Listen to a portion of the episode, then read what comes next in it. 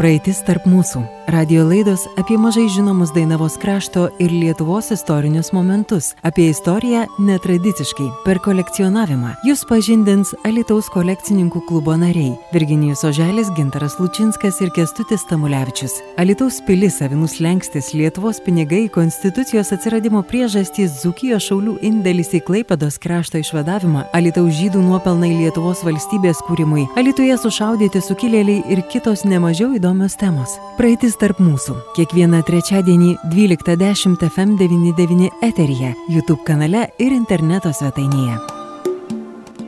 Labadiena, gerbiami radio klausytojai. Trečiadienis studijoje vėl pokalbių laida Praeitis tarp mūsų. Aš Kestutis Tamulevičius ir mano kolega Gintaras Lačinskas. Sveiki, Gintarai. Sveiki. Tai šiandien vėl mes tęsim savo pašnekėsius istoriniam temam ir kolekcionavimą.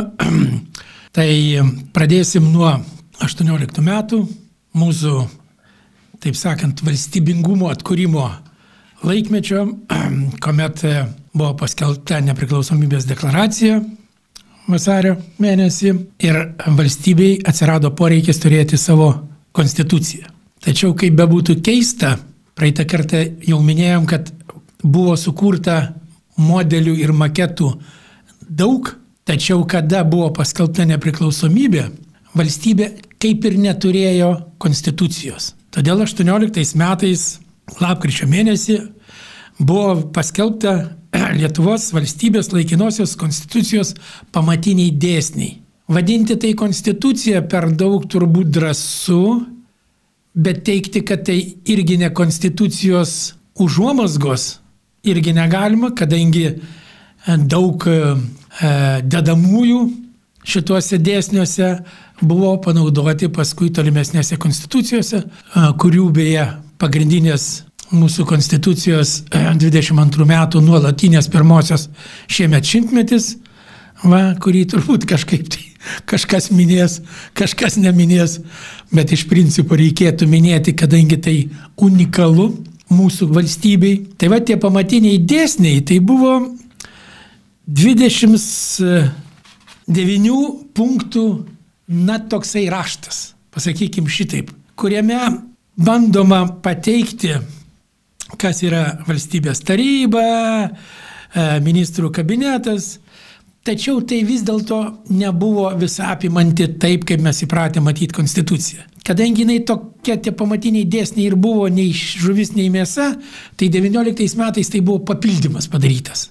Ir pagaliau 20 metais, jau 20 metais atsirado laikinoji konstitucija, kuri jau galima sakyti iš tikrųjų, na, priskirtina prie tikrų konstitucijų. Šiaip mūsų istoriografijoje vieni mokslininkai netgi šitos konstitucijos pamatinius dėsnius jau traktuoja kaip konstituciją. Ir todėl bendroji sumoji, kada pradeda vardinti, kiek tų konstitucijų Lietuva turėjo, tai vieni juos atmeta, kiti juos prideda, nu tai žinot, nepasimesim. Bet pradėkime visą laiką skaičiuoti nuo tada, kada buvo paskelbta nuolatinė. Nuo 22 metų, tada ramiai, mes be jokių ten tų nukrypimų, nes, pavyzdžiui, 18 metų pamatiniai dėsniai, jeigu priskirtini prie konstitucijų, taip, tai 19 metų papildymas, kaip tada? Vėl tada reikėtų galvoti, ar tai jau kaip naujas darinys, ar vis dėlto tai yra tik papildinys. Nu tai čia žinot, va ten istorikam ir yra galimybė kuistis, ten aiškintis, kas ten gudresnis, kas ten geriau įrodo, kas ten mažiau įrodo. Bet aš sakau, mes ūkiškai paprastai skaičiuodami nuo 22 metų, mes ramiai suskaičiuosim, kiek mes ten tų konstitucijų turėjom. Dabar, laikinoji konstitucija 20 metų vėlgi nebuvo iki galo išbaigtas dokumentas, kadangi valstybė dar buvo tokiam, pasakykim, formavimos etape. Apskritai mūsų valstybė iki pačių okupacijos 40 metų, jinai tokia formavimuose etapais ėjo. Na, ten pakilėjimai ekonominiai, nuosmukiai ir visa kita. Tai e, tos konstitucijos, kurios atsirasdavo, jos bandydavo atitikti tą laikmetį. Kad parodyt, kad vat, to meto tai pagrindinis dokumentas. Tai va 20 metų buvo irgi tokia, na, jau geresnė konstitucija negu pamatiniai dėsniai, bet vis dėlto tai ir pats pavadinimas - laikinoji, tai reiškia, kad ne pilna. Va? Tai jau galų gale, jau valstybė, kaip pasakykime, surimtėjo, subrendo, susigulėjo ir 20, 22 metais, atsiprašau, buvo paskelbta ta jau pirmoji nuolatinė Lietuvos konstitucija. Na, toliau e, mūsų konstitucingumas vystėsi labai paprastai. Vis dėlto, kaip bebūtų keista ir liūdna, konstitucijos pas mus kaiteliojasi pagal politinę konjunktūrą. Bet ir pavyzdžiui, šiandien kalbėsim apie 49 metų partizanų deklaraciją, tai jau akivaizdu, kad visos, kurios atsirasdavo konstitucijos, jos būdavo paremtos tuo metu politinė situacija. Ir vad partizanai savo deklaracijoje, jie nemini 38 metų konstitucijos, jie remiasi 28 metų konstituciją. Nes jie įsivaizdavo, kad 38 metų tai per daug smetonai ten pritaikyta, pataikyta, nepritaikyta, nu ten kaip ten jie suprato. Tai vad po 22 metų va, mūsų jau nuolatinė konstitucija buvo pakeista 28 metais. Noriu atkreipdėmėsi, kad kuomet vykdavo konstitucijų pakeitimai, žinant, kad Lietuvoje, na, raštingumas, ar kaip čia pasakykim, dar buvo nelabai koksai, bet jis jau buvo, tai valstybė, kaip toksai vienetas, kaip tokia visuma, leisdavo paaiškinamasias knygutės. Kaip ir kodėl reikia keisti konstituciją 28 metų, pavyzdžiui. Na tai ten buvo netgi trys knygutės jau, kaip būtų pakeista, kas ten, kaip ten, su kuo ten ir kodėl ten bandymai išaiškinti, na, pavyzdžiui, tenais e, paaiškinimai, kad ten kaip ten elgtis su tautinė mažumom tenais ir visa kita, nu ten tokių visokių vingrybių. Bet aš noriu atkreipdėmėsi, kad esminis dalykas, bandymai paaiškinti net mažaraščiam buvo labai dideli ir tokie, kaip čia pasakykime, fundamentalūs. Imk skaityk, negali, tegul kaimynas tau skaito ir aiškina, kas ten, kaip tenais, kur tenais, kodėl, kad tu suprastum, kad neįtartum, nepagalvotum, neišmastytum, kad čia kažkas tai kažką tai išmugliavoja, kažkas tai kažką tai daro. Ne. Tiesiog tau yra pateikta paaiškinimai. Kodėl to punkto nebebus, kodėl bus naujas punktas. Kodėl taip, o ne kitaip.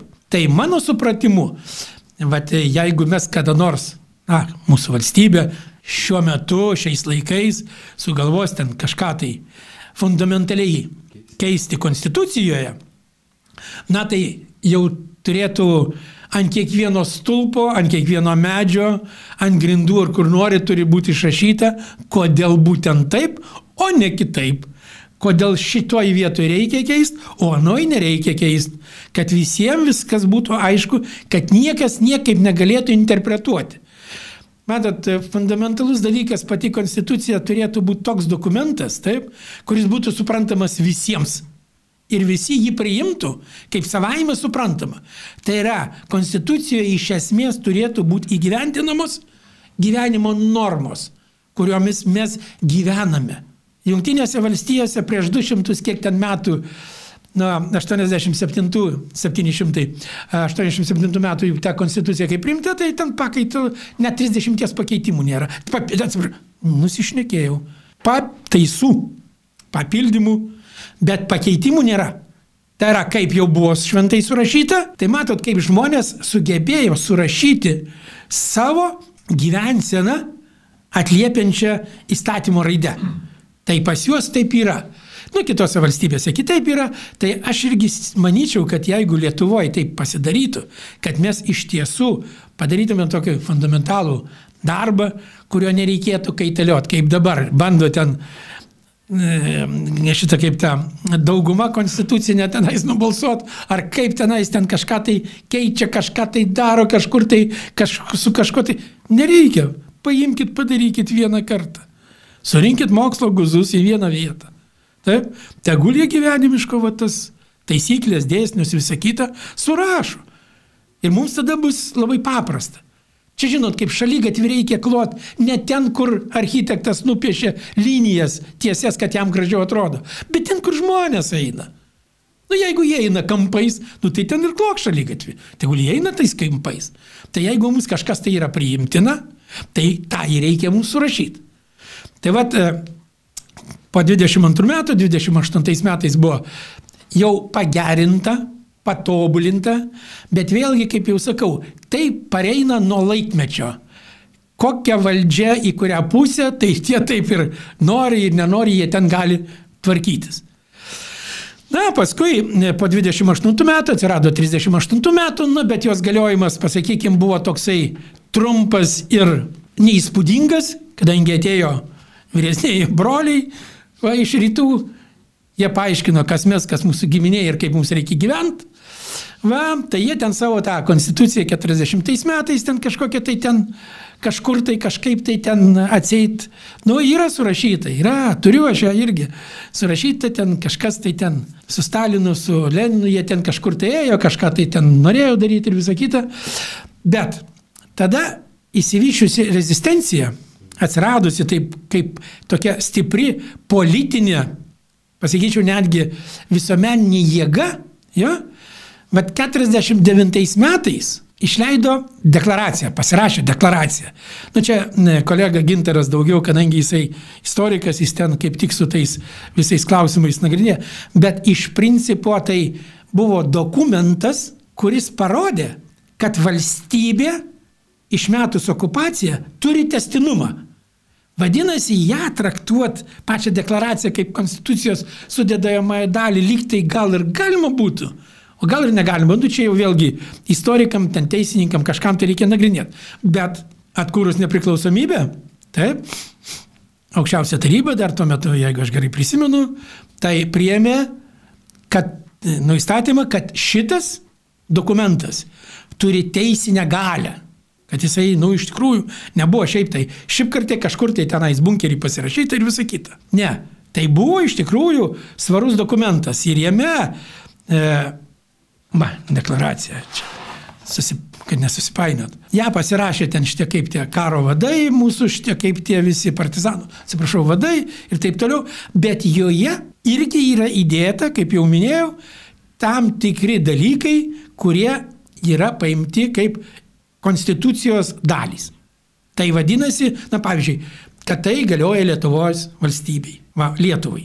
Na tai žinot, tai iš tikrųjų buvo laikmetis, kuomet e, tokio dokumento atsiradimas rodė, kad valstybė, kad ir užgniaušta, bet vis dėlto jinai egzistuoja. Kad anstatas yra, nu, toksai negražus tas bolševikinis, taip, bet ten apačioj vis tiek liaudis, žmonės, tie rezistentai, jie turi tą gyvybingumą ir dėl to šitas dokumentas yra mums labai svarbus ir jį būtų teisinga, kad jis būtų nagrinėjamas ir ten jį su, jaunimas susipažinti ir taip toliau. Na tai, kadangi čia plėstis jau per daug nėra kaip, tai gintaras apie tą mūsų Laisvės kovų sąjūdžio tarybos deklaraciją 49 metų, jis ten daugiau, kadangi jisai žino ir tuos visus partizanų vadus, ir karo vadus, kaip juos ten visus, ir kas ten, kur ten, kaip ten pasirašydėjo. Prašau, gintarai. Taip, ačiū. Mano tema pranešimo būtų apie Dzukijos legendą, tai garsų į partizaną Vaslovą Voverį Žaibą. Klausimas toksai, na, nu, kaip ir ne į temą, bet ir į temą susijęs su e, partizanų deklaracijos pasirašymu 1949 metais vasario 16 dieną Minaičiaus ir Radviliškio rajone. Mūsų garsusis vadas Adolfas Ramanauskas Vanagas išvyko gerokai anksčiau, nes susisiekimas nuo metu buvo buvo sudėtingas, per, per, reikėjo judėti per tam tikras apygardas, grupės, žinoti ryšininkus, slaptažodžius ir taip toliau, bet principas buvo toksai, kad kai atvyko Vanagas su e, Tauro apygardos atstovais, jis buvo sulaikytas, tris dienas tardomas, nes sukėlė ypač didelį e, įtarimą e, žemaitijos vadams ir, ir, ir, ir, ir, ir pačiam ginkluotųjų pajėgų vadui Žemaičiui, tuo metu jo buvo slapyvardis Žaltys,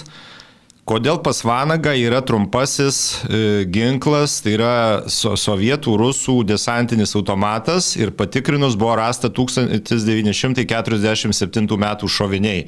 Nu, iš tikrųjų labai įtartina, atvyksta vat iš Dukijos atstovai ir jie buvo laikomi provokatoriais, tačiau vėliau buvo įsitikinta, Vanagas įrodė, kad e, buvo gavęs tą ginklą dovanų iš partizano Šermukšnio, o Šermukšnis dalyvavo garsiosiuose Onuškio kautinė, prie Onuškio kautinės kapinėse prie Grandavės, kur buvo sunaikinta NKVD įgulai ir ten tie ginklai buvo paimti. Tai va tokia įdomi istorija. Tas Vanago rašytas jo ranka paaiškinimas yra, yra archyvė saugomas ir panašiai. Taigi apie Dzukijos legendą Vaslavą Voverį Žaibą.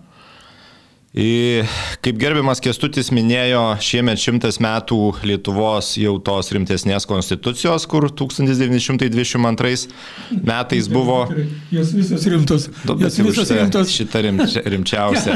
Taigi, tais pačiais metais, truputį tik anksčiau, ne spalio mėnesį, bet vasario 17 dieną Trakų apskrityje Onuškio valšiuje, Bakaloriškių kaime gimė Vaslavas Foveris ūkininkų šeimoje kurioje buvo devyni vaikai, tai penkios dukterys, keturi sūnūs. Vaclovas buvo jauniausias iš, iš, iš, iš sūnų, mokytis jam sekėsi neblogai, baigė šešis skyrius, nu, tuo metu gimnazijoje buvo klasės, o pradinėje mokykloje buvo skyriai, nu, iš esmės atitinka klases. Tačiau e, vienas brolis išvyko uždarbiauti į Latviją, kitas brolis mirė, trečias buvo pašauktas į Lietuvos kariuomenę, Vaslovas, e, nesvarbu, kad jauniausias sūnus, tačiau turėjo dirbti ūkio darbus, vyko statybos, vienkimėje statėsi namą ūkinius e, trobesius, šulnį iškasti reikėjo, tėvas susirgo, tai Vaclavas negalėjo daugiau, daugiau siekti mokslo aukštumų, nors buvo gabus. Ir tarkim, vad kyla klausimų dažnai netarnavęs kariuomeniai Vaclavas Voveris, tačiau labai gerai išmanė pasalų meną, jo pagrindinės e, taktika, vad būtent kiek buvo kautinių, vis, visur panaudodavo tą pačią savo taktiką ir, ir, ir sovietai niekada nepasimokydavo iš to. Tai būtent išprovokuoti tam tikrą ar įgulą, ar, ar, ar, ar, ar padalinį, įvilioti į, į, į, į pasalą ir juos sutriuškinti. Tai vad Vaslavas Voveris Nu, tikėtina dar, dar toks aspektas yra, kad e, tarpukarių demarkacijos linija Trakų apskrityje, nu ir aišku, Lytaus apskrityje, e, su Lenkais e, buvo okupuotas Vilniaus kraštas, tarkim, ir demarkacijos linija ėjo e, netoli Onuškio ir dauguma pasienio policininkų ir taip pat tuo metinių Šaulių sąjungos narių, nu iš tikrųjų ten vyko karas po karo, vieni kitus žudydavo ir, ir, ir nebūtinai kontrabandininkai pasieniečius nužudydavo, būdavo ir su Lenkais susišaudimų, pavyzdžiui, prie Perlojos. Lenkų pasieniečiai mėgdavo užgrobti plukdomus sielius, kadangi merkys buvo vingiuotas, tai jie sielius atsitraukdavo į savo pusę, irgi daug žmonių nužudė Lenkai, ta prasme, apšaudydavo, tariamai, kad pažeista ta, ta, ta siena vadinama, ir, bet esmė tai buvo sielių užgrobimas, o ne, ne sienos tas pažeidimas. Tai dar toks įdomus dalykas e, su bakaloriškiam, tai visiems žinomas faktas, kad 1944 balandžio 12 dieną, antrą Velykų dieną, raudonieji partizanai užpuolė tą kaimą, sudegino apie 40 sodybų ir nužudė keletą žmonių. Bet iki tol jau tam kaime buvo įsikūrusi tokia vadinama VSB, vietiniai, vietinis savisaugos būrys. Jie turėjo ginklų ir jeigu kalbėt apie bakaloriškių kaimo vyrus, tai jie ginklus buvo įsigiję, nu, tikriausiai nelegaliai, bet, bet kaip ir karo grobis buvo, nes 41 e, traukiantis Raudonosios armijos kariams netoli bakaloriškių buvo paliktas sunkvežimis su ginklais, tai vyrai tuos ginklus saugojo pas savį reikalų esant juos naudodavo. Tai Vaclovo Voverio tiesiog ar intuicija, ar, ar numatymas į ateitį, nes po to matysime, kad iš tikrųjų jis, jis, jis turėjo labai, labai, labai vado savybių tam tikrų. Dar toks dalykas buvo, kaip 1943 m. gruodį netoli Bakaloriškių smalių kaime raudonieji partizanai užpuolė tokią sodybą būtent Vaclovo Voverio giminaičius ir nužudė Joną Voverį ir jo nepilnametį sūnų. Nu, apiplėšimo tikslais tikriausiai ir, ir, ir panašiai. Tai tų, tų tokių faktų buvo, kad reikia ruoštis jau antrai okupacijai, kas ir buvo daroma. tas minėtas savisaugos būrys Teko man skaityti Centriniam archyve tokį dokumentą, 44 metų balandžio mėnesio ataskaita pateikta Onuškio policijos nuvados viršininkui, kad 30 ginkluotų vyrų, visi ginkluoti, turi 20 rusiškų šautuvų ir dar yra pastaba, kad tie šautuvai atimti iš raudonųjų partizanų. Tai parodo, kad, kad, kad mūsiškiai buvo nu, kovingi, kovingi kariai, nesvarbu, kad ne visi tarnavę kariuomeniai. Dabar su Vaslovo atsitiko dar toks dalykas, kad reokupavus Lietuvą 1944 m. rūpiučio mėnesį buvo paskelbta mobilizacija į Raudonąją armiją, jaunuoliai buvo šaukiami, reiškia, į Raudoną armiją, kad, kad karas dar tęsiasi Tai Vaclavas vengė tos mobilizacijos ir pjaunant avižas netoli namų, jau NKVDistai, kaip sakyt, šukavo ten apylinkės, ieškojo šitų besislapstančių asmenų, pamatė vat, jaunus įtartinus žmonės, pradėjo šaudyti ir Vaslovas buvo sužeistas, bet spėjo pasislėpti. Vėliau sutvaršių žaizdas buvo nuvežtas į Varienos ligoninę, įsigydė, bet nuo to laiko jau išėjo partizanauti ir visą laiką gyveno nelegaliai. Iš pradžių sudarė 20 vyrų partizanų būrį iš savo tų buvusių patikimų žmonių, kaimynų. Jų dabar aš pavardžių nesiplėsiu, nepasakosiu, tai yra tiesiog istorinėse knygose tie dalykai aprašyti. Vėliau tas būrys didėjo, tapo grupe iki 70 kovotojų. Dar toks įdomus dalykas, kad e, okupantai kažkaip tai vis tiek stengiasi pakengti, atkeršyti kažką va tokio žmonėms e, gero jie nedarė patriotams. Tai 44 lapkričio 25 dieną NKVDistai areštavo Vaclovo tėvą ir dvi seserys. Tos seserys po tardymų, po, po sumušimų ir panašiai buvo e, po dvi mėnesių paleistos, o tėvą tardymo metu jisai mirė. Nu tai reikia manyti, kad nužudė. Dabar dėl, dėl Vaclovo e, karjeros tokios pavadinkim, tai kaip minėjau, buvo būrio vadas, grupės vadas, vėliau tapo apygardos, e, tai yra rinktinės vadu Adolfo Romanausko Vanago įsakymu 48 paskirtas Partizanai savo vadų žaibų labai pasitikėjo, nes jis buvo labai veiklus, sumanus, drasus, nu, kaip minėjau, nevengdavo tų kautinių. Istoriografijoje yra užfiksuota, kad žaibas vadovavo 28 kautiniam, per kurias buvo nukauta nemažiau 300 sovietų įgulos kareivių, per 40 karininkų ir stribų. Garsiausios tokios kautinės tai keletas e, čia Dzukijoje ir Alytaus, ta prasme, e, dabartiniam rajone. Tai stodavo į kautinės, e, nu, kaip minėjau, įviliodavo į pasalas ir, ir, ir nesislapstydavo. Tai prie daugų 45 vasario 23 dieną Kančianų kaime surengė pasalą, devynis tribus nukovė, 41 birželio 14 Varčios kautynėse žaibo grupė, grupės partizanai kovėsi ir jie, kadangi, na, nu, vis tiek ten apsuptas buvo daug, daug, daug NKVD kareivių, tai kurie pavieniui partizanai traukėsi, tie iš esmės visi, visi žuvo palaukėsi, nes visur pasalos buvo, o kurie traukėsi organizuotai, vad kaip žaibo ir, ir, ir kiti keletas būrių labai minimalūs nuostoliai buvo. Dar labai garsios kautynės 1946 m. lapkričio 15, vėlgi buvo ten tokia provokacija padaryta padaryta ir vienu žodžiu nušovė tokį šnipą, jo žmona buvo pasiūsta į daugus į, į garnizoną, kad va taip ir taip, čia trys partizanai girti išlaistosi, atvyko 18 asmenų sovietų įgulos grupė su pačiu MVD daugų poskirio viršininku ir toje pasaloje visi žuvo. Analogiška pasala buvo 48 gegužės 8 netoli Lytaus Staniliškių kaime, taip pat 48 spalio 27 jau Nelytaus rajone trakų, reiškia tuo metinė apskrityje, kur minėjau, Prionuškio 19 žuvo sovietinės įgulos kareivių. Bet vėlgi, Vaclavas Voveris Žaibas, jis buvo nu, tikras karys, e, genialus partizanės kovos strategas, tačiau prieš klastą jo, jo visi sugebėjimai pasirodė bejėgiai.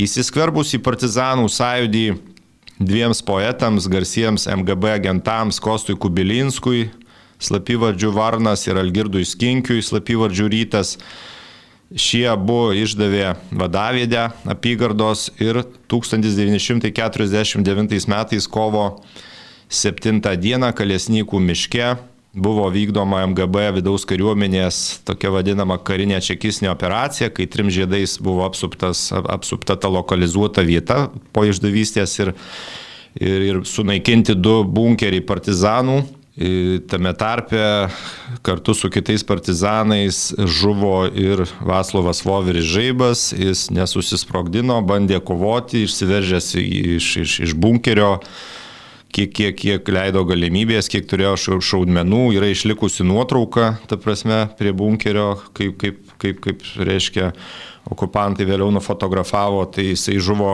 kovoje. Tų žuvusių partizanų palaikai buvo atvežti į Elytų, niekinami, nu, jie vadindavo atpažinimo procedūrą, bet iš esmės tai buvo niekinimo aktas MGB būstinės kieme, nu, panašiai kur dabar Elytaus apylinkės teismas toje, toje teritorijoje.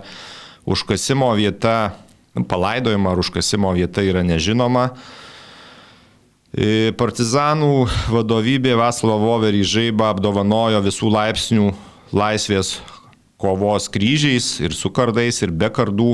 Jam buvo suteiktas laisvės kovos karžygio garbės vardas. Tai tokių partizanų buvo labai nedaug, berots aštuoni buvo, iš, iš, iš Dzukijos dar yra e, Bajerčius Garibaldis, jis, jis buvęs ryšininkas ir, ir, ir panašiai. Dabar mūsų atkurtoje Lietuvoje tai 1997 metais žaibui pripažintas kario savanorio toks teisinis statusas, prezidento dekretų apdovanotas Vyčio kryžiaus pirmo laipsnio ordinu, krašto apsaugos ministro įsakymų po mirties suteiktas kapitono laipsnis. Taip pat 1000, e, atsiprašau, 2015 metais vasario 1 dieną Alytuje vyko dokumentinio filmo Žaibas Zukijos legenda pristatymas.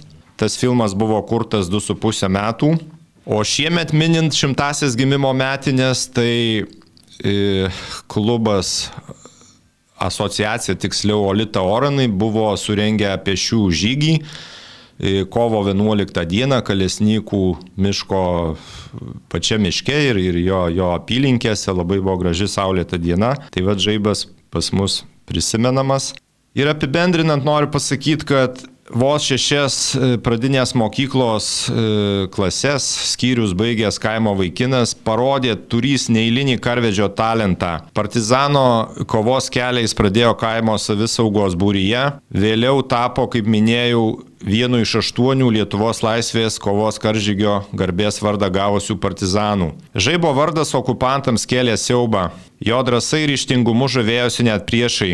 E, bendražygiai rėmėjai žaibą laikė labai narsių, ryštingų, ypač teisingų vadų. Yra žinoma, kad jis nevartojo alkoholio, nerūkė. E, daugelį stebino jo idealizmas ir pasiaukojimas žaibo kredo arba šūkis toksai buvo nerašytas, kuris skamba taip - gyvenk taip, tarsi nuo tavęs priklausytų visos Lietuvos likimas. Tai dabar Jeigu dar apie tą vat kestutis, kur apie partizanų deklaraciją, tai kaip minėjau, ir, ir žaibas šiek tiek susijęs, vat, kad ir to Anuškio įgulo sunaikinimu, ginklų. Žaibas buvo e, aktyvios kovos taktikos puoselėtojas, organizatorius ir dalyvis tų pačių. Tai tiek būtų trumpai. Taigi, tikiuosi, kad beklausydami neužmygot, o pabaigai e, nudienos aktualijų anegdotas. Pasiūliau bankui paimti iš manęs paskolą tokiom pačiom sąlygom, kaip jie siūlo. Išvadino aferistų. Kągi, sėkmės visiems, iki sekančio trečiadienio.